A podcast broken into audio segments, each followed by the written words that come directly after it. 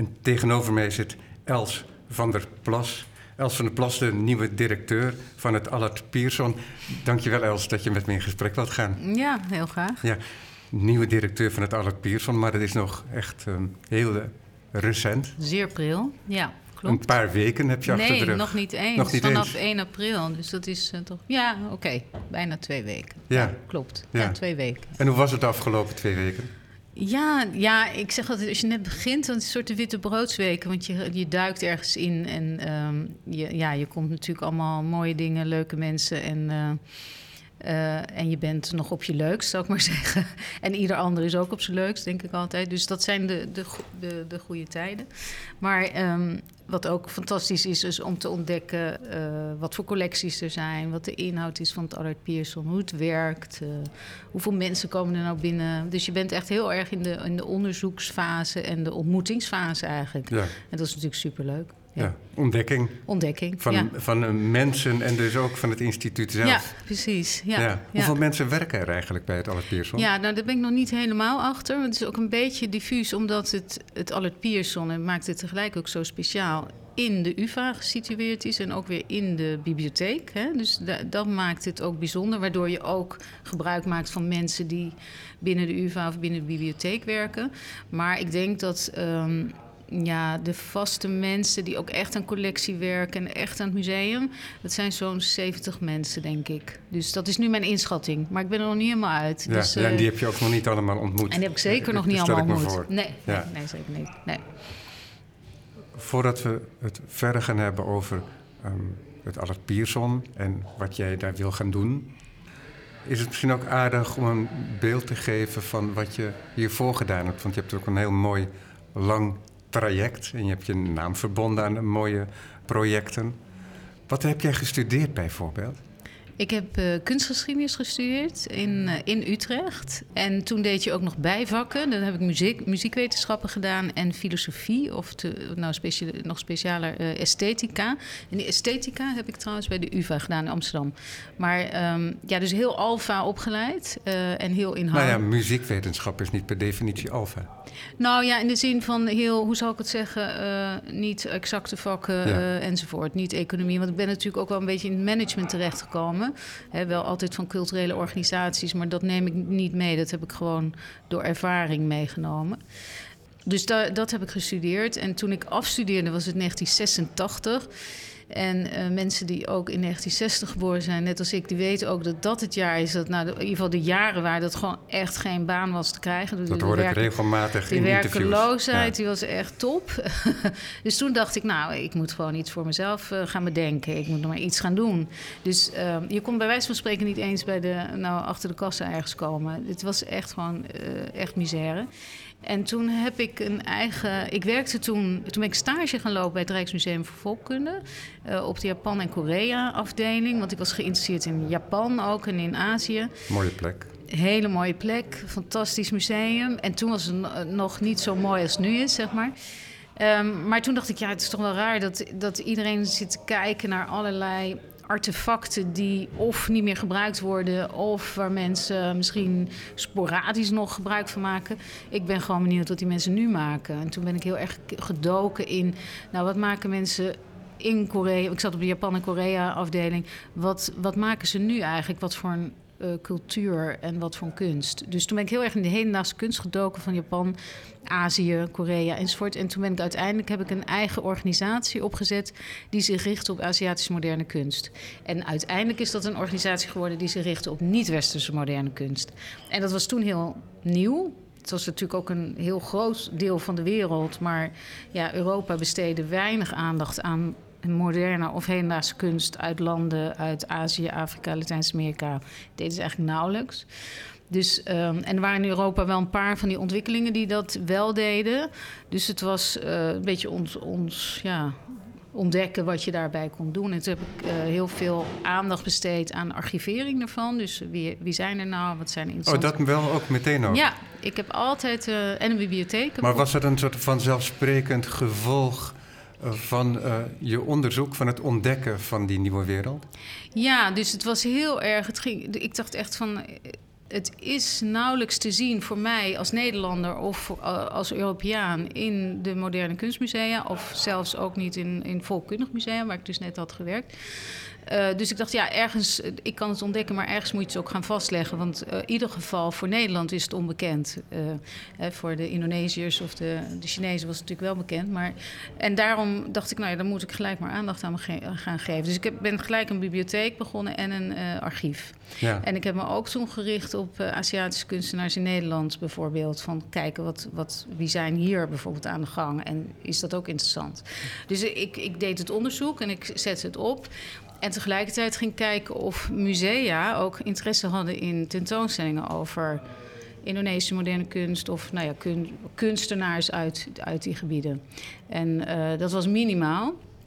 Dus toen, uh, toen ben ik gewoon maar locaties gaan zoeken die, waar we het zelf konden doen. En, uh, nou, en ik vroeg subsidie aan enzovoort. Dus zo heb ik die organisatie ontwikkeld en dat heb ik tien jaar gedaan. En die is uiteindelijk in de uh, basisinfrastructuur gekomen van het ministerie van OCW. Dus het werd steeds belangrijker dat er aandacht voor was. Was ook heel erg, was ook steeds meer belangstelling voor de multiculturele samenleving. Was ook wel een agenda van een aantal uh, ministers, ook zeker van cultuur.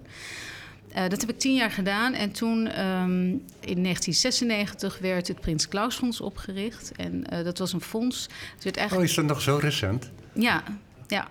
Dat was ja, 25 jaar bestaan ja. ze dit jaar. Ja, ja denk, ik, kan bijna, ik kan het bijna niet herinneren dat ze niet bestonden. Dus vandaar dat ik dat zo zeg. Ja, maar je hebt het Prins Bernhard Fonds en het Prins Klaus Fonds. Hè? Dus de mensen houden het vaak door elkaar. Het Prins Bernhard Fonds is voor Nederland. Het Prins Klaus Fonds was echt gericht op landen, ook in Afrika, Latijns-Amerika, Azië, nou, Caribisch gebied, et cetera.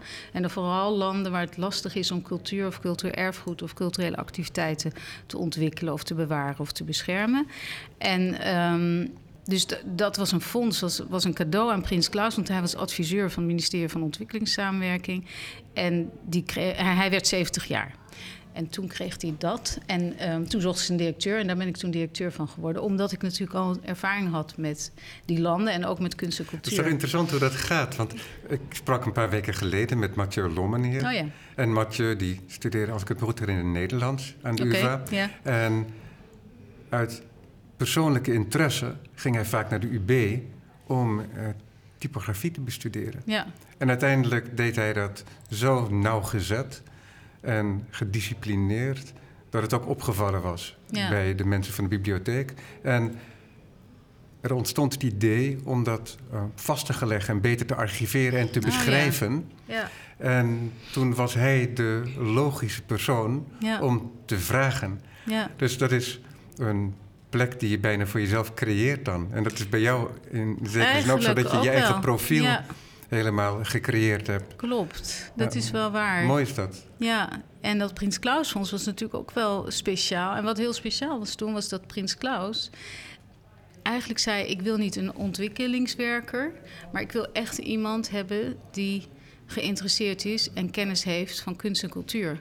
Want hij zei, anders zit je, dan doe je de verkeerde dingen. Dus hij wilde echt een cultureel fonds, wat ook echt vanuit de visie, een kunst- en cultuurvisie werd uh, ge georganiseerd. Ja, dat het en niet een soort instrument wordt, maar dat het om het werk zelf gaat. dat het echt om de kunst en om de culturele activiteiten, de kunstenaars enzovoort ging. En dat was natuurlijk best wel speciaal, dat hij dat ook echt wilde. En, uh, want toen was gewoon ontwikkelingssamenwerking, er ging nog heel veel geld naartoe. En hè, mensen waren nog steeds bezig om mensen te ontwikkelen.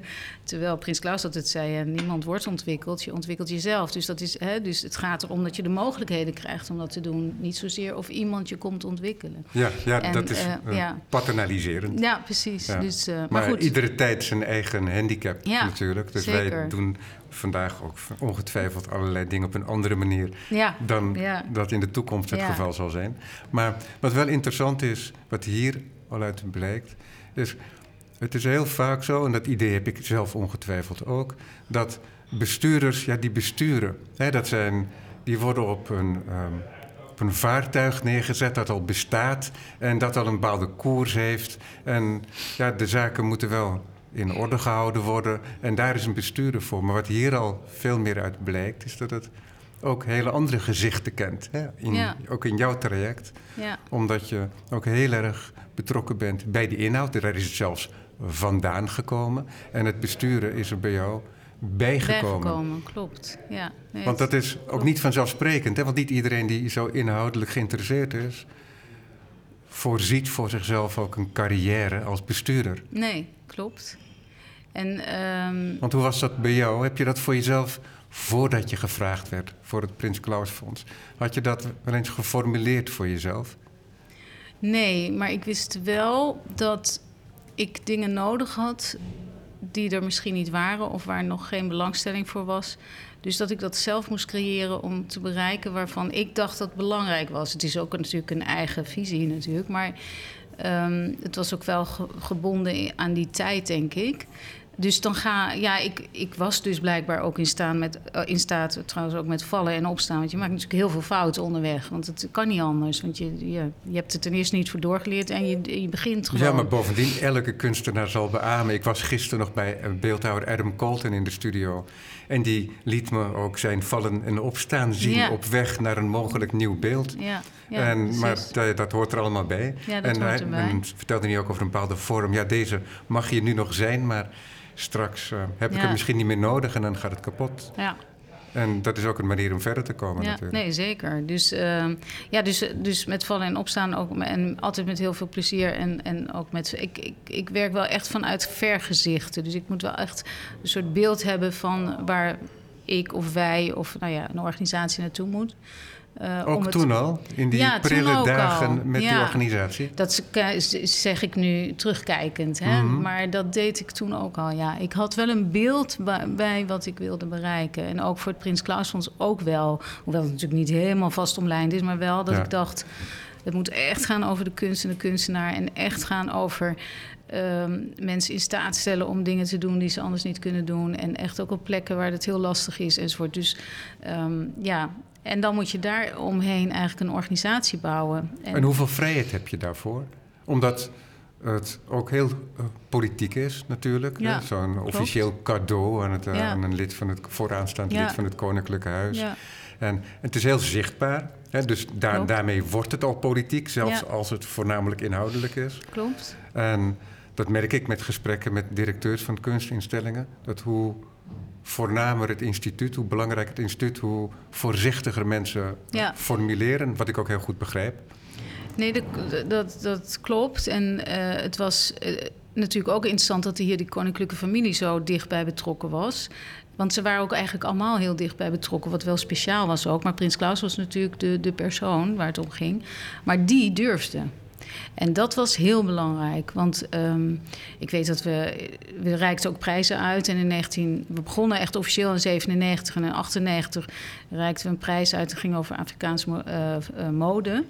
En iedereen die zat er een beetje naar te kijken van kan dat wel? En hij zei ja natuurlijk, dat is fantastisch. En dus hij was echt, hij was gewoon, hij dacht mee over die toekomst van het fonds. En uh, ja, dus dat, dat heeft enorm geholpen. Juist ook omdat hij, hij het was natuurlijk. Ja, waardoor het niet vast lag in een beleidsplan, maar er was Precies. echt um, een uh, bewegingsvrijheid om iets te creëren. Ja, we hebben ook ooit een, een prijs gegeven aan uh, Mahmoud Darwish. Dat is een uh, Palestijnse dichter, heel groot in de Arabische wereld. Fantastische dichter trouwens. Ja, ik kan het niet in het Arabisch lezen, hmm. helaas.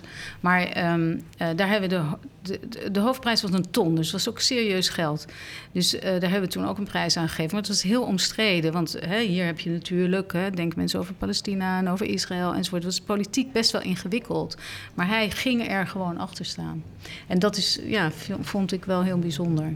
Dus ehm, met heel veel plezier gedaan. Heb ik dus in plaats van dat het je handen bond, gaf het je juist uh, meer ja, vrijheid. Zeker. En natuurlijk moest je opletten en moest je overleggen, ook met het ministerie van Buitenlandse Zaken enzovoort. Je moest wel echt gewoon alert zijn. Wat kan er gebeuren? En dan moest je op voorbereid zijn. Maar um, als je meeneemt dat, dat het kan gebeuren, maar dat, dat je wordt gesteund, dan, dan kan je veel. Maar natuurlijk kan je ook dingen niet doen, maar dat, uh, dat komt ook voor. Maar er waren ook veel dingen mogelijk. Dat ja. Uh, ja, zeker. Ja.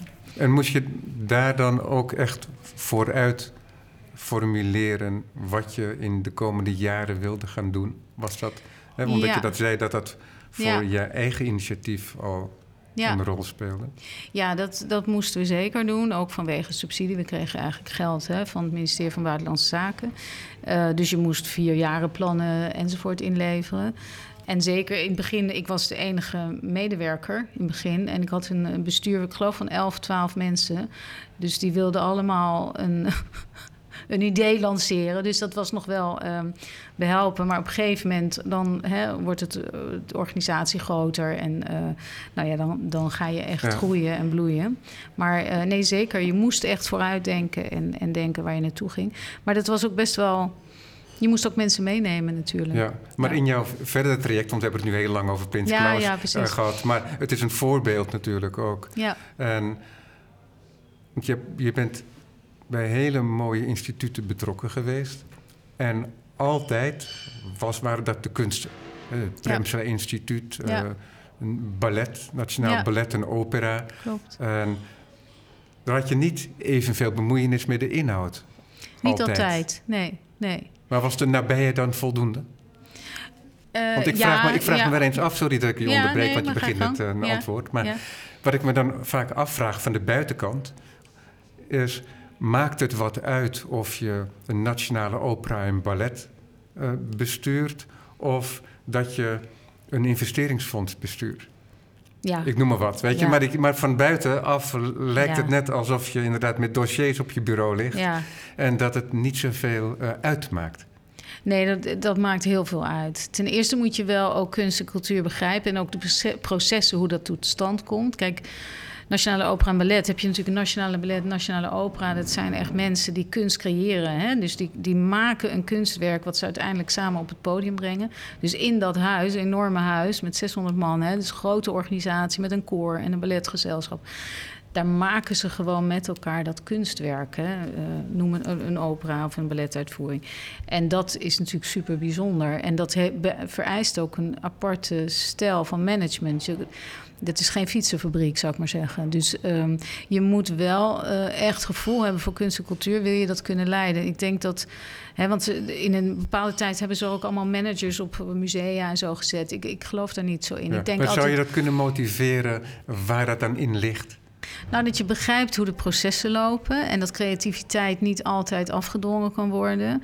En dat je soms hobbels hebt die, uh, ja, het, het, is ook mensenwerk, zeker bij de performing arts of de, de, uh, de, dat, dat, daar ligt het gewoon aan die zanger of die zich 100% goed voelt, hoe, hoe goed die ten, uh, voorstelling ook wordt. Ja. Hè? Of aan het koor, wat dan. Dus je hebt allerlei omstandigheden die invloed hebben op dat uiteindelijk dat product. En in, bij Nationale Opera Ballet is het natuurlijk een topproduct het is gewoon waanzinnig wat die Hoewel, er zijn in, onder hele strekke, uh, strikte, gedisciplineerde barrières werken. Hè, omdat een bepaalde productietijd, een bepaalde repetitietijd, alles is vastgelegd. Ja, klopt. Dus, een enorm um, strakke planning. Ja, ja, Dus wat heb jij dan te maken met... Um, de vorm van de dag van de zanger, zeg maar? Nou, het is echt, ik denk wat heel belangrijk is als je zo'n instituut leidt... en uh, samen trouwens met de directeur opera en directeur ballet natuurlijk... dat je, je bent heel faciliterend je moet echt zorgen ten eerste dat geld er is, dat omstandigheden er zijn, dat, uh, dat, dat het gebouw klopt, dat die, die repetitieruimtes kloppen. Maar ook, het is ook mensenwerk, dus je moet echt aandacht hebben voor mensen. Je moet heel erg verbinden. Het is, ik, ik, ik ben, werd trouwens aangenomen om de fusie te doen hè, tussen opera, ballet en, en, en, het, en het theater. Wat een, een, nogal een opdracht is dat natuurlijk. Dat was nogal een opdracht. En Omdat er twee identiteiten bij elkaar komen. Precies, dus dat was, dat was echt mensen. Dat gaat echt over mensen. Want hè, mensen willen nooit veranderen. Hè. Die willen altijd het liefst hetzelfde blijven. Behalve natuurlijk uh, mensen die daar wel zin in hebben. Maar, um, dus dat is altijd lastig. En je, moet, je hebt heel veel stakeholders. Je hebt het publiek, je hebt de, de geldschieters, je hebt de artiesten, je hebt de, nou, de mensen op het toneel. Uh, dus eh, je hebt ook alle lagen van de bevolking kom je tegen. Dus het is heel, heel divers. En ja, daar moet je een soort. Je, je bent toch het ja, soort aansturing en het gezicht en het gezicht naar buiten. En veel fondsenwerving. Dus je, ja, er is. En je moet het begrijpen, denk ik. Want ook om het goed te verkopen, hè, om bijvoorbeeld te zorgen dat die tickets verkocht worden, want daar, daar ben je ook verantwoordelijk voor. En om te zorgen de sponsors eh, eh, te betrekken, moet je ook dat product, dat kunst, die kunstwerk echt goed begrijpen. En dat moet je ook wel echt goed kunnen vertellen. Dus het heeft heel veel. Het heeft een echte meerwaarde als je begrijpt hoe kunst en cultuur werkt. En um, uh, en ik ben dan nog zo dat ik denk, ik kan ook nog wel eens een adviesje geven. Maar, maar ik heb trouwens overal even, ook al relaterend aan, aan het Allard Pierson... ik heb in alle organisaties waar ik voor gewerkt heb... dus ook Nationale Opera en Ballet... heb ik gezorgd dat de archivering en de bibliotheek enzovoort... dat dat goed op orde was. Want ik geloof echt echt, echt in, dat, in, in de verdieping en, en aandacht geven aan de geschiedenis van een organisatie of een kunstvorm. Dat is echt iets van jouzelf ook, hè? Want Ja. omdat dat bij dat vroege project zat. Ja, en, klopt. Nou, ik hoef jou niet te vertellen dat niet iedereen die zo'n initiatief ontwikkelt... zich bezighoudt met de archivering en documentatie. En dat is ook vaak een probleem, omdat Klopt. het niet meer zichtbaar is. Ja, Dus het- dan zijn het alleen nog maar een paar eh, velletjes aantekeningen. ja, En het gaat natuurlijk ook om die presentatie. Maar het doorwerken ervan eh, is, Ja. is toch ook van belang. En dat kan, werkt veel beter als het gearchiveerd wordt. Maar kennelijk was dat iets waar jij heel erg bewust van was, al heel vroeg. ja. ja dat vind ik, toch best ja. opmerkelijk, eerlijk ja, gezegd. ik, ik, ik weet niet precies Want waar ik vond het vandaan komt. ook maar- tentoonstellingsmakers die ik ken, eh, dus eh, onafhankelijke curatoren, die zijn daar volgens mij niet zo mee bezig. Ja, ik denk waar ik heel bewust van was, was het, het feit dat je in de geschiedenis staat. Hè, en dat je iets doet ook voor de toekomst. Hè? Dus dat het doe je niet voor jezelf of zo. Je doet het voor, nou ja, voor heel veel mensen.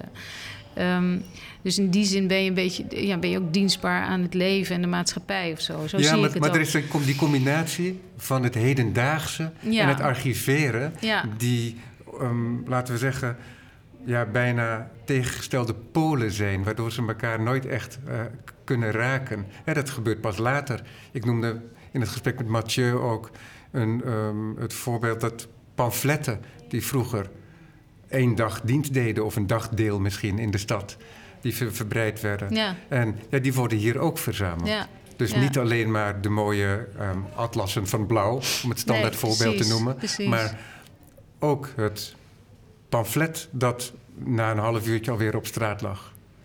ja, ja, maar en ja, ehm, snap je dus dat Ja, het, ja, heden, het heden, ook het bijzondere hedendaagse, ja, het, het, het echte kunstwerk en het archief, dat komt zelden voor in één zin eigenlijk.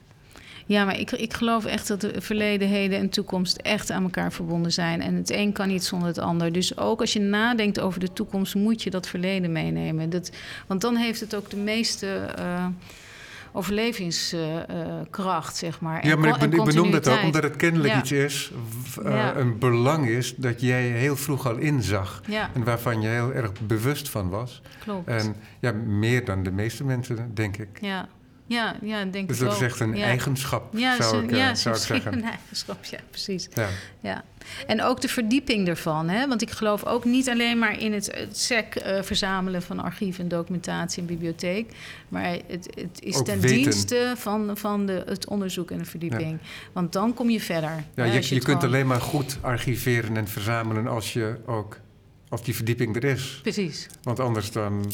En de Is er kennis. geen samenhang? Ja, nee, klopt. En dan kun je ook de verkeerde dingen verzamelen bovendien. Eh, ook, zeker. En dat is, kan nogal pijnlijk zijn voor instituten, Precies, omdat er altijd een beperkte capaciteit is. klopt. Ja, nee, klopt. Ja. En hoe werd daarop gereageerd als dat jij daar zoveel nadruk op legde, op die archivering, bijvoorbeeld bij dat nieuwe instituut na de fusie, het Nationaal Ballet en de Nationale Opera? Eh, ja, dat wordt natuurlijk eerst als een beetje, nou ja, is het dan nodig? En ehm, eh, ja, waarom zouden we dat doen? En, hè, want er, gaat, er moet geld naartoe. Hè? Want ik heb uiteindelijk een archivaris ingehuurd. En eh, hier ook trouwens met Arnold Pierson samengewerkt. Hè? Want zij, het Arnold Pierson, wij moet ik zeggen, hebben het eh, Theaterinstituut Nederland hè, het archief overgenomen. En een deel... In 2012, denk ik, was dat, geloof ik. Ja, en een deel van eh, het archief van Nationale Opera en Ballet eh, zit ook in het eh, TIN-archief, dus bij Allard Pierson. Maar ehm, eh, ja, dus je moet echt mensen overtuigen dat het belangrijk is. Maar ik heb het altijd bij elkaar benoemd en eh, nou ja, voor gestreden, laat ik het zo zeggen, om het te doen in relatie ook tot onderzoek en verdieping. Want ik zei, kijk, vooral bij de podiumkunsten is het is zo vluchtig dat je, ik bedoel, eh, je bent zo goed als de laatste voorstelling, zeggen ze altijd. Dus je archivering en, en, en de verdieping van Sleeping Beauty of Hans van Manen is juist heel belangrijk. Ook uh, om te begrijpen wat het precies is. En ook om het weer terug te kunnen halen. Hè? Dus, en ook wat, wat is dan het vervolg voor de toekomst. Hè? Dus daar. Uh, dus, daar was, dus ik heb eh, zeg maar tegelijkertijd met die archivering en die aandacht voor documentatie en archivering heb ik gestreden voor twee bijzondere hoogleraarschappen. Eén over opera, muziektheater en de andere over ballet en dans. En die komen nu allebei bij um, de UvA. Wat mooi. Ja, dus we hebben een Pierre Audi leerstoel, die natuurlijk direct is verbonden aan, aan uh, ook trouwens aan het Pierson, maar ook aan het archief.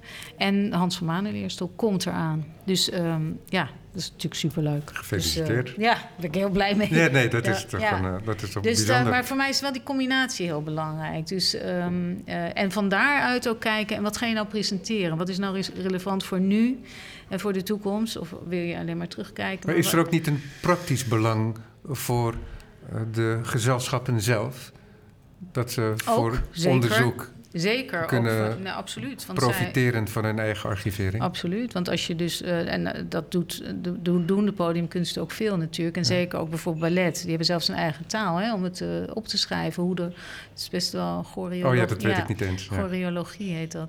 Maar ieder, ja, dus dat doen ze ook. en ze kijken ook veel tegenwoordig natuurlijk naar opnames.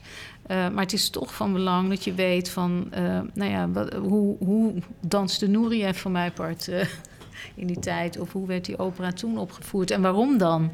Hè? En hoe is dat nu? En wat zou de toekomst kunnen zijn ervan? Ja. En is het nog relevant überhaupt? Hè? Ja. Dus, uh... Is het moeilijk om dat te verkopen? Want ik kan me voorstellen dat die archivering hè, bij instituten, met name waar gecreëerd wordt, hè, bij Ja. dat Premsla Instituut, waar je ook leidingen hebt gegeven. Ja, dus voor design. Ehm, ja. Dat is voor design. En daar is het al iets logischer. Dus ik denk dat je daar ook minder vraagtekens krijgt als je daar de nadruk op gaat leggen. Maar bij een creërend gezelschap is het denk ik toch altijd zo, wat je al eventjes aanstipte, dat alle aandacht gaat naar de voorstellingen. Die voorstellingen zijn heel kostbaar. Met name bij opera en ballet is dat enorm. Ja, En alle aandacht gaat daar naar uit. klopt. En er is altijd te weinig.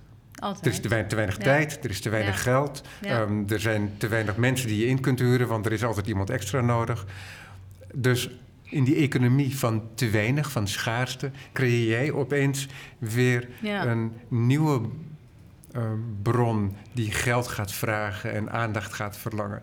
Dus je komt altijd met iets ehm, wat alleen maar meer problemen in eerste instantie oplevert. ja. Dus dat lijkt me ook dat, je, dat het belangrijk is dat je mensen inhoudelijk helemaal moet overtuigen van het idee. Het is niet zomaar iets dat ze ook eventjes gaan proberen, want de Nee. directeur vindt dat zo leuk. Nee, nee, zeker niet. Want ik, ik moest natuurlijk overleggen met de directeur opera en directeur ballet. Die natuurlijk het liefst gewoon de meest prachtige voorstellingen op het toneel zetten.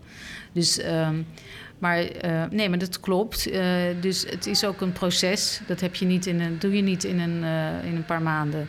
Hè, dat, daar, en daar, daar heb ik dus wel. Ik ben heel ongeduldig, maar ik heb er wel geduld voor. Want ik weet gewoon, het duurt gewoon twee jaar of zo, of drie jaar voordat je mensen mee hebt. Omdat ze het ook moeten begrijpen. Mensen moeten ook begrijpen van waarom is dat nou nodig en waarom moet dat nou. En, en als, ze het eenmaal, als ze eenmaal die klik maken, dan. En het is ook heel belangrijk dat mensen het willen. Hè? Je moet nooit iets doorheen drukken, want dan krijgt het ook geen, ehm, geen, geen levensvatbaarheid. Want als je dan weg bent, dan eh, heffen ze het weer op. Ja. Dus, ehm, eh, dus je moet ook niet iets doen wat, ja, wat je er doorheen drukt. Nee, begrijp, maar het is wel zo dat je, je moet het en intern aan de man brengen, maar Eens. ook naar buiten toe, Ook. want je hebt ook het geld nodig. Ja, klopt. En eh, wat ik wel heel leuk vond van het ministerie van OCW, die zag onmiddellijk de meerwaarde. Maar die was toen ook bijvoorbeeld heel erg bezig met die TIN-archieven. En, en die nu hier zitten. bij Ja, want dat was natuurlijk een, eigenlijk een groot drama ook. natuurlijk, Ja. dat met de bezuinigingen dat TIN-archief, ja, laten we zeggen, dakloos was geworden. Ja, en maar ook het NAGO-archief, dat is voor Ja. eh, grafische vormgeving. Er waren meerdere eh jazzarchieven, er waren meerdere archieven die, die nou ja, hulpeloos rondzweefden. Ja, en, Dus- en dan, er kon altijd dreigen wat er is gebeurd met, ehm god, hoe weet het ook alweer, het Tropeninstituut. Ja, Een precies. ont- volledige onttakeling. Om, En, ongelooflijk. en nu met in hindsight, als je bedenkt met wat voor aandacht we Ja. nu proberen te hebben voor de verschillende culturen in Nederland, zou dat een principaal, eh, principale collectie kunnen zijn Eens. om, eh, om die nieuwe blik te verrijken en te onderzoeken. Ja, En, maar nu is het weg. is weg. Dat is ongelooflijk. Maar, dat maar zoiets was ook destijds, het is nu bijna ondenkbaar omdat het al zo lang Ja. weer een nieuw onderdak heeft gevonden, was ook denkbaar voor die andere collecties. Klopt. En ik denk dat je ook altijd moet blijven, en dat geldt ook voor het Albert Pierson, moet blijven me- benadrukken hoe belangrijk het is dat je die archieven hebt. En dan heb ik het niet alleen maar over het TIN-archief, maar ook over Rosentaliana. En de, eh, dus echt de archieven die hier eh, fantastisch beheerd worden met veel kennis en kunde en waar mensen ook echt verstand van hebben, waarover gepubliceerd wordt enzovoort. Want ik denk, ja, dat de- het blijft denk ik een, een opgave om dat te blijven eh, eh, benadrukken. En daarom is het ook zo belangrijk dat je het moet kunnen laten zien. Hè? Dus dat je wat je hebt ook ontsluit. Hè? En niet alleen maar door ehm, eh, een artikel, maar ook dat je het echt kan zien. Of, Ja, want en, dan, ja. ja, en ook ja. dat je het kan begrijpen waarom het belangrijk is Ja. en waarom het belangrijk is voor nu. ja, want dan komen we ook echt in, in de kern van eh, het Allard Pierson.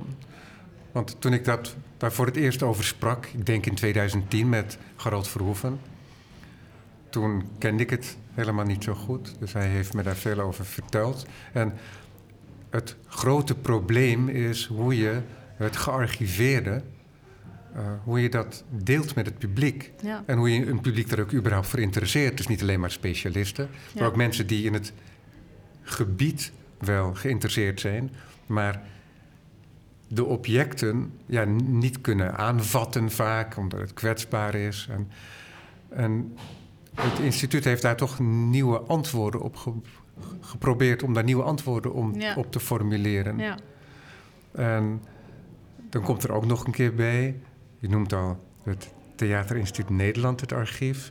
Maar we hebben het oude Allard Pierson, zeker. het Aardrijkskundig eh, Museum Ja. met de prachtige collectie. We hebben de boekencollectie en, Ja. Nou, laten we zeggen, de gehele gepubliceerde papiercollectie. Ja, En dus die theater- en toneelarchieven. Dat is een hele vreemde constructie. Hè? Het is een soort eh, driekoppig fabeldier. Klopt. Dat is natuurlijk ook de uitdaging, denk ik. En ook fantastisch om daarover na te denken. Van hoe doe je dat? En, en hoe, hoe vertel je het ook? En hoe, wat, is, wat is de rode draad? Ik denk, nou ja, de, de belangrijkste rode draad voor mij is die combinatie of die verbinding met de wetenschap en de verdieping.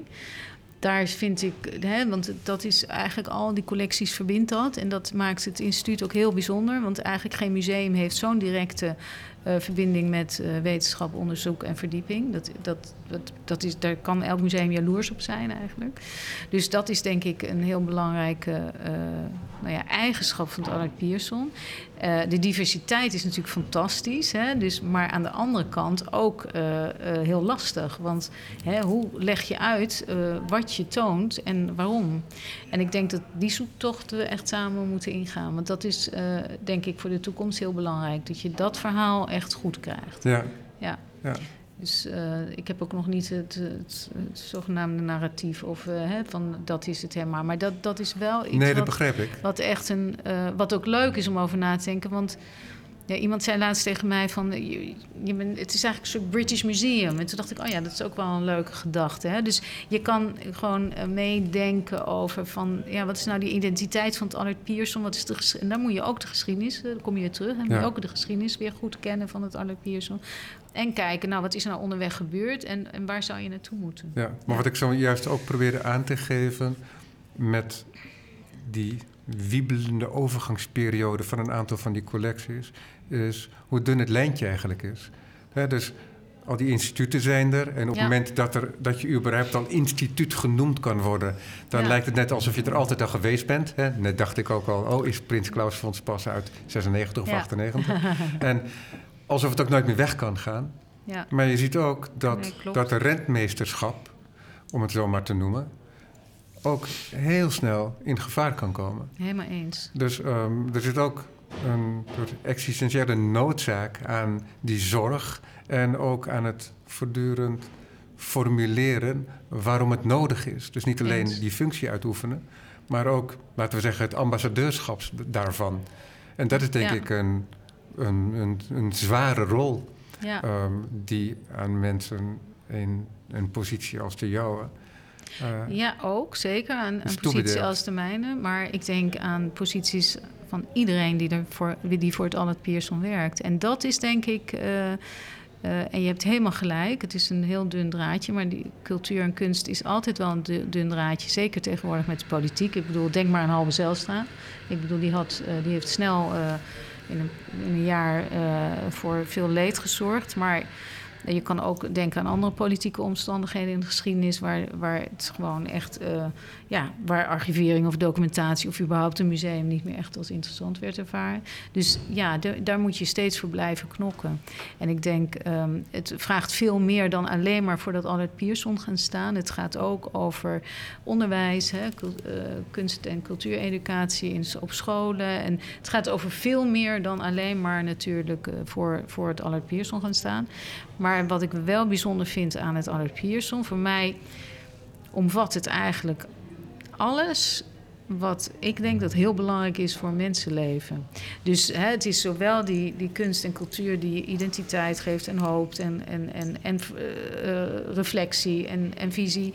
Maar ook die verdieping en het willen weten, het leren, het constante leren van de mens. Dus voor mij heeft het wel uh, heel veel mooie aspecten ja, als je daarvoor gaat staan, ga je voor veel meer andere dingen staan die in het leven, denk ik, belangrijk zijn. Is het extra moeilijk dat het, dat het verschillende facetten heeft, dit instituut? Verschillende disciplines Ja, dat maakt, ook? Het, dat maakt het verhaal niet makkelijk. Dus daarom moet je daar heel goed over nadenken. het is veel makkelijker om te zeggen, we zijn een, uh, weet ik het, uh, nou, we zijn het nationale ballet denkt iedereen, oké, nou, dat, die gaan... Of museum voor archeologie of Precies. wat dan ook. Ja. Dus, maar ik vind het juist ook, nou ja, eigenlijk wat ik net zei, die, die, die... Je moet eigenlijk gaan staan voor de waarden die het Allard Pierson uh, in zijn geheel uitdraagt, denk ik. En waar dus al die collecties en al die uh, activiteiten onder uh, vallen. Maar dan moet je nog wel natuurlijk goede keuzes gaan maken. Ja, ja want het Allard Pierson heeft ook die extra drempel toch wel, denk ik omdat het ook. Het is een tentoonstellingsinstituut, een archiveringsinstituut en een onderzoeksinstituut. En dat onderzoeksinstituut dat geeft het ook een bepaald soortelijk gewicht. En dan ook een gewichtigheid die ook kan afstoten voor het publiek. Ja, en ik denk dat het Albert Pierson daar ook al wel heel hard mee bezig is om dat uh, veel meer te ontsluiten. Hè? Dat het ook leuk is om uh, onderzoek te doen. Ja. En de, uh, nou ja, de inzichten die je krijgt en ook voor nu. Dus de, nou ja, zo'n archeo-hotspot alleen al, hè, dat je zelf bij wijze van spreken een nieuwe pot kan creëren uit scherven, dat, is al, hè, dat geeft al aan dat, dat het voor iedereen interessant is om die archeologie, archeologie te bestuderen. Ja. Uh, maar dat geldt voor veel meer onderzoeken natuurlijk. En, uh, uh, en je moet vooral de relevantie laten zien voor, voor, voor nu, denk ik. Dat is heel belangrijk. En je moet het ontsluiten ook via andere kanalen dan alleen maar museum. Dus digitaal, nou ja, wat we hier eigenlijk ook doen. Hè, um, via radio, televisie, van allerlei manieren om, om dat te bedenken. Publicaties ja. natuurlijk. Ja. Dus, en daar moet je ook, denk ik, keuzes in maken en, en richting aan geven. Aan hoe je het doet, hoe je ja. die ontsluiting doet. Ja. In dit gesprek hebben wij eigenlijk een beetje als vanzelfsprekend gelaten waarom het van belang is allemaal. Het is van belang voor de instituten zelf en voor de gezelschappen zelf om dat te bewaren. Maar er is ook een veel groter verhaal Um, voor waarom er overal gearchiveerd, geconserveerd en onderzocht moet worden. Want er gaat een enorme hoeveelheid geld in zitten. Ja. Aandacht, intellectuele energie. Ja. En dat is niet alleen maar om te herhalen wat al een keer gebeurd is. Nee. Nee, het is natuurlijk, uh, het doel is uiteindelijk om te leren van uh, de geschiedenis uh, en dat moet je ook helpen om, om een beter of een mooier of een, nou, hoe het maar, leven te leiden als, als maatschappij, maar ook als mens. En uh, ja, ik denk dat kunst en cultuur nog iets anders toevoegt dan alleen maar dat onderzoek en die verdieping. Namelijk ja, de reflectie op het leven. En op een andere manier dan uh, met een uh, van spreken krantenartikel of een wetenschappelijk boek. Hè, maar dat gaat toch over andere kwaliteiten die helpen om op een andere manier over het leven. Hè. Het gaat ook over emotie, het gaat over hoop, het gaat over ergens bij horen, het gaat over je identiteit. Uh, nou, dus het gaat over veel meer dan alleen maar uh, die geschiedenis of die toekomst te bekijken. Ja. Dus, uh, en dat maakt natuurlijk de combinatie van wetenschap en kunst en cultuur. En natuurlijk mensen en onderzoekers en de maatschappij zo, zo bijzonder, denk ik. Dus. Um, ja, dus het, gaat, het gaat echt veel meer. En ik vind kunst en cultuur biedt mensen ook niet alleen schoonheid, maar ook. Uh, ja, het brengt je ook op, kan je op andere gedachten brengen. Het kan je uh, andere wegen doen laten inslaan. Uh, nou, enzovoort. Dus dat, dat, het vermag veel, veel meer, veel, veel meer dan, dan nou ja, het gesprek, het, uh, het, het onderzoek seks, zeg maar. Ja. Ja. ja, en jij vindt toch ook voor jezelf tijd, ondanks al je bestuurlijke taken, om heel erg geïnteresseerd te zijn in specifieke onderwerpen. Want jij was ook degene die hier de tentoonstelling opende met een toespraak. Van Irma, van Irma Boom. Boom. Ja, ja. Nou, met Irma Boom heb ik 15 jaar gewerkt. Want, ik, want uh, Irma was de vormgever van het Prins Klaus Fonds. Dus daardoor hebben we elkaar heel goed leren kennen. Um, en dat was een, uh, een plezier om met haar te, kunnen en mogen werken. Dus um, ja, we begrepen elkaar ook heel goed. Dus het we waren ook een beetje twee van die gelijk, gelijksoortige zielen. En we leerden heel veel van elkaar. Dus dat, ja, daar heb ik enorm van genoten. En dat heb ik dus zolang als ik bij het Prins Claus was, heb ik met haar gewerkt. En ik heb toen ook nog wel gewerkt bij de Nationale Opera met haar. Heb ze nog een paar dingen voor gedaan. Dus ja, we, zijn altijd, uh, we hebben altijd contact gehouden. Maar haar visie op het boek is natuurlijk super interessant. Ik bedoel niet alleen maar haar, haar um, esthetische visie of designvisie of uh, überhaupt. Maar ook gewoon wat is het boek en wat betekent het voor een mens. En, en zij gaat eigenlijk van het object, veel meer van het object uit dan van het digitale boek. Ze, juist dat object vindt zij uh, uh, zoveel meerwaarde hebben dan het alleen maar uh, het kunnen lezen van een tekst. Ja, ja, ja, want wat er wel interessant daaraan is natuurlijk ook, is juist de digitalisering en de mogelijkheid om dingen digitaal te publiceren, kunnen de eigenheid van het boek veel meer tot uiting kunnen laten komen.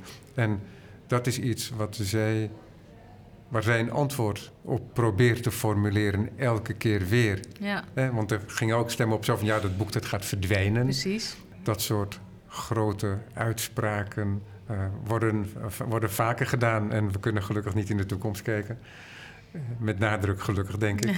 ja. Maar ja, dat is inderdaad wel heel bijzonder. Ja. ja. Ja. Maar mooi ook dat je zo dicht bij dat proces hebt kunnen zitten, omdat je met haar gewerkt hebt. Ja, zeker. Nou ja, en zij is bij uitstek natuurlijk een heel interessant iemand om hier te laten zien, omdat het Allard Pierson voor mij ook gaat over de geschiedenis van het boek. Ja. ja, en jullie spiegelen elkaar ook enigszins, als ik zo vrij mag zijn, omdat Irma, die maakt niet alleen een boek, maar Irma die verdiept zich ook in het onderwerp. Klopt. Ook inhoudelijk. Ja. En ik weet niet of ze het waar kan maken, maar laatst in een interview zei ze tegen me dat ze elke pagina van elk boek leest dat ze publiceert. Maar, nou, ze maar, maar ze, het, ja. de intentie daarvan, Ja. die is natuurlijk wel zo, is dat ze, en dat zie je ook, is dat ze zich heel goed verdiept in de onderwerpen. En niet alleen maar bezighoudt met het stroomlijnen en de publicatie en de communicatie, om dat met een beetje leeg woord aan te duiden. En dat is voor jou ook zo. Jij bent niet alleen een bestuurder, dus die alleen maar met die dossiers zit, zoals ik me dat voorstelde, in om het even welk uh, bedrijf of instituut. Maar jij houdt je ook bezig uh, met die inhoud om dat werk goed te kunnen doen. Ja. Hè, dus in die zin Klopt. is er wel een parallel, ook al bewegen jullie op Ja. andere terreinen. Ja, ja, dat klopt wel. Ja. En Irma was ook wel iemand die zei: Hé, hey, Els, uh, volgens mij die zin die, die klopt niet. Dus zo. ze, ze las wel echt veel van Ja. wat ze deed. Ja. Nee, maar het klopt wat je zegt. Zij, zij gaat echt voor de inhoud. En dat heb ik ook echt. Want ik kan eigenlijk niet, kan eigenlijk niet goed besturen, zeg maar, als die inhoud niet begrijpt. Dan, dan- of niet snapt of niet, eh, niet geen verbondenheid mee hebt. Of, nee. Ja. Heb je wel eens omgekeken naar je eigen traject met enig, enige verbazing? Want kijk, we zijn ook altijd nog de jonge persoon die we ooit waren voordat we dat alles hadden gedaan. hè? Ik heb het wel eens bij mijn oma gezien, die toen 94 was. En ze had een bepaalde lach. En dat was het, eh, de lach die ze de vader gaf toen ze 16 was waarschijnlijk. en, hè, dus, maar die persoon hebben we eigenlijk altijd nog wel in ons. Dus ik vraag me af, heb je wel eens teruggekeken? Zo van, oh Els, wat een traject heb je gemaakt. Hè, op, Ja, basis, op basis van eigenlijk ook een soort intuïtie... Ja, omdat je andere dingen wilde laten zien dan er zichtbaar waren. ja. ja ik, ik, ik denk dat, ehm, dat als je zeg maar, die loopbaan ziet... dat ik had nooit verwacht dat ik directeur zou worden... algemeen directeur van Nationale Opera en Ballet. Dat kwam niet eens me op. Dus ehm, dat was eigenlijk door ook omstandigheden... want ik... ik Via Premselaar moest, moesten we toen een fusie doen met het Nederlands Architectuurinstituut hè, van Helve Zelstra. Die zat er toen, die zei: Oké, Nederlands Instituut voor Design en Mode, wat ik toen leidde, en het Nederlands Architectuurinstituut en nog een andere organisatie moesten toen fuseren. Dus daardoor had ik fusieorganisatie, of fusiekennis, zou ik maar zeggen. En dat wilden ze bij Nationale Opera en Ballet ook. Ze wilden iemand die kunst begreep en cultuur en tegelijkertijd een fusie kon leiden. Dus het was eigenlijk heel soort, ja, soort toevalligheid bijna. Ja. Dus, dus dat soort dingen kan je nooit ja. helemaal plannen. Nee, dat is iets wat op je pad is gekomen. En op, een gegeven moment was je die persoon die Ja. en inhoudelijk Ja, voldoende onderlegd was... en ook bestuurlijk voldoende onderlegd om dat... eh, Klopt. te Maar ik, ja, maar ik denk dat ik het beste functioneer. ehm, dus laten we hopen dat, ik, dat dat waar is, ook voor het Holland Pierson. Maar het beste functioneer als ik inhoud en, en management echt kan combineren. Dan, dan eh, ben, kom ik het meest tot mijn recht, denk ik. ja. En dat is eigenlijk vanuit, vanuit mijn begin, veel meer mijn beginperiode. ja, precies. Ja. Ja, Ja. ja. je bent toch altijd de slechte boodschapper ook met zo'n fusie. Want er is altijd iemand die, er, die daaronder gaat leiden. Dat, en het is altijd gedoe. En, eh, maar eh, het, ging trouwens eh, goed, maar er komen er ook altijd weer andere dingen bij enzovoort. Dus het ja. Ja. Maar in die, in die positie, dat was inderdaad die fusie natuurlijk, maar ik was ook algemeen directeur. Dus ik had niet, niet echt veel te zeggen. Je hebt natuurlijk altijd invloed, maar eh, over de inhoud. Hè, Nee, dat begrijp ik. Dus dat was Ja. toch een andere vorm van, van besturen, zeg maar, Ja. voor mij. Nee, maar ik denk toch wel dat je heel veel kritiek had gekregen als jij geen enkele gevoeligheid had getoond voor, laten we zeggen, de particuliere eigenschappen van Ja. en het ballet en, nee, en, en de opera. Zeker. Dus- Zelfs al is het maar om gesprekken mogelijk te maken. Zeker. Ja. En wat ik ook wel interessant vind hieraan is dat in, ehm, aan het onderzoeksdeel van het Allard Pierson, want werd, het gesprek wordt vaak gevoerd dat, met name in tijden van bezuinigingen, dat niet elk instituut hoeft te onderzoeken. Want daar hebben we eigenlijk de universiteit voor. Ja, En dus dan werd de discussie gevoerd dat het eigenlijk ook niet nodig was om dat bijvoorbeeld bij musea te doen en Ja. dergelijke. Nou, ben je hier in de gelukkige positie dat dat samenvalt, of in ieder geval grotendeels overlapt. ja, En hier is het meer dat het instituut, maar inmiddels heeft het een kleine traditie opgebouwd, ehm, veel meer moest leren om tentoon te stellen. precies. Ja, om Ja. uit- Ja. naar buiten te treden. Ja, Maar het is toch ook van belang dat musea zelf ook onderzoek verrichten, omdat die andere vragen stellen. En dat onderzoek is toch ook van belang weer inderdaad om tentoon te stellen, om Klopt. voortdurend een eh, verhalen klopt. te creëren. Ja, want als je nu ook kijkt naar wat musea hè, nu doen, bijvoorbeeld met eh, het Rijks, wat nu Revolutie laat zien, hè, die tentoonstelling over de Indonesische vrijheidsstrijd en de gevolgen daarvan. Denk ik, ja, dan heb je echt goede onderzoekers nodig. Ehm, Ja, maar dan denk ik ook, en dat hebben ze ook gedaan volgens mij, dan heb je ook onderzoekers van buiten nodig. ook. Omdat het niet alleen maar meer over de kunst Ja, gaat en klopt. over de kunstgeschiedenis. Maar dan wordt het ook een sociaal-politieke geschiedenis die je middels die kunst voorwerpen Ja. wilt vertellen. Ja, dus, da- dus je ziet dat eh, vaak hebben musea ook wel een eigen onderzoeksstaf. Hè? eh, maar eh, ja, ze werken ook vaak samen met onderzoekers en ook wel met universiteiten. En je ziet ook wel steeds meer dat er ehm, bijzonder hoogleraren komen gelieerd aan het Rijks of het Amsterdam Museum, dat soort zaken. Dat, dat heb je, zie je ook wel steeds meer. Eh, dus er is wel echt belangstelling en noodzaak aan, denk ik. Dat zien, men, dat zien musea natuurlijk ook. Ehm, maar ik denk ook wel eens, de, de, de wereld wordt soms ook best wel complex. Hè? Zoveel, ja, zo, we zitten best in een complexe tijd op dit moment. Dus dan, om een tentoonstelling te maken, moet je echt wel gewoon goed nadenken, vind ik. Je moet echt ook wel relevant zijn voor nu, op een of andere manier. Hè? Want we hebben echt... Ja, dat sociaal-politieke verhaal is Ja. veel meer op de voorgrond getreden. Precies. En eerst kon dat ook op de achtergrond aanwezig zijn, impliciet. Ja. Nou ja, maar ook met het... Ja, En, het, en, het, en het expliciet maken maakt ook dat je je veel beter moet positioneren. Wat ook go- goed is natuurlijk. Zeker. Omdat je dan veel meer bewust wordt. Maar goed, dan van- moet je dus ook echt wel zaken weten van de geschiedenis. Hè? Dus als je zo'n slavernij-tentoonstelling maakt, zoals het Rijks heeft gedaan, dan moet je ook echt wel goed weten hoe zat die geschiedenis in elkaar. eh, eh, wie waren de schrijvers? Wie, wie nemen we serieus? Want dat is ook nog een, eh, een belangrijk aspect. Hè? Welke keuzes maak je daarin? En, hoe la en dan ook nog natuurlijk, hoe presenteer je het? Dat is ook nog een vak. Hè? Dus dat hoort heel erg bij de, het museumvak. Van, Ja. En hoe breng je dat? En hoe leg je het uit? Ja. Dus ehm, ja, er wordt best wel veel gevraagd van mensen op dit moment. Om, om dat echt, wat ik ook heel, heel erg fijn en goed vind. ehm, eh, om het ook echt bewust en goed eh, Ja. te, te doen. Ja, in de gesprekken voorafgaand aan het moment dat je werd aangenomen hier, heb je vast ook wel geformuleerd wat je zou willen doen hier. Of een Ehm. paar specifieke dingen. Zou je daar iets van willen delen tot slot? Ja, het is. Nou, ik, ik kon natuurlijk nog niet zo ver. Zo, eh, eh, en vind ik ook lastig om nu te, echt heel specifiek te worden, omdat ik er nog maar twee weken zit. Ja.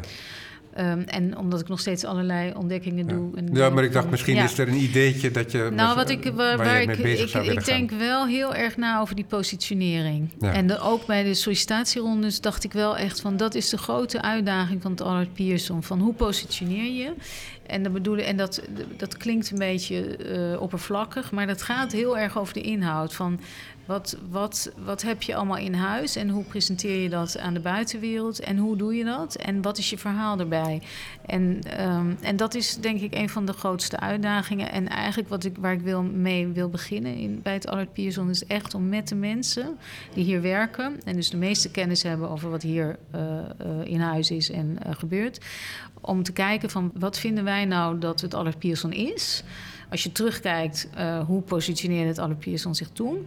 En hoe, hoe zou de toekomst eh, ons nu moeten helpen om nou ja, te kijken hoe, hoe, wie zijn we nu? En, ehm, en dat is best wel, daar kan ik nog niet zoveel over zeggen. Behalve dat ik denk dat de wetenschap, en de- waar, waar we het net over hadden, hè, die wetenschappelijke basis, ehm, het ook zitten in de universiteit, dat dat een unieke positie is. En dat je daar trots op moet zijn en dat je daar ook echt gebruik en in, positief, in positieve zin gebruik van moet maken. Dus dat zal zeker ook een rode draad zijn voor de toekomst. In alle activiteiten. Dan heb ik het niet alleen maar over de, de presentatie in het museum. En dan gaan we ook zeker kijken van, nou, wat, wat laat het museum nu zien? En klopt dat nog met, die, met dat beeld wat we willen gaan schetsen? Ja. Ja. Els van der Plas, hartelijk dank. dank je wel. Ja, dit was Wie Wat Bewaart en de techniek werd verzorgd door Abe Iping. Dank voor het luisteren.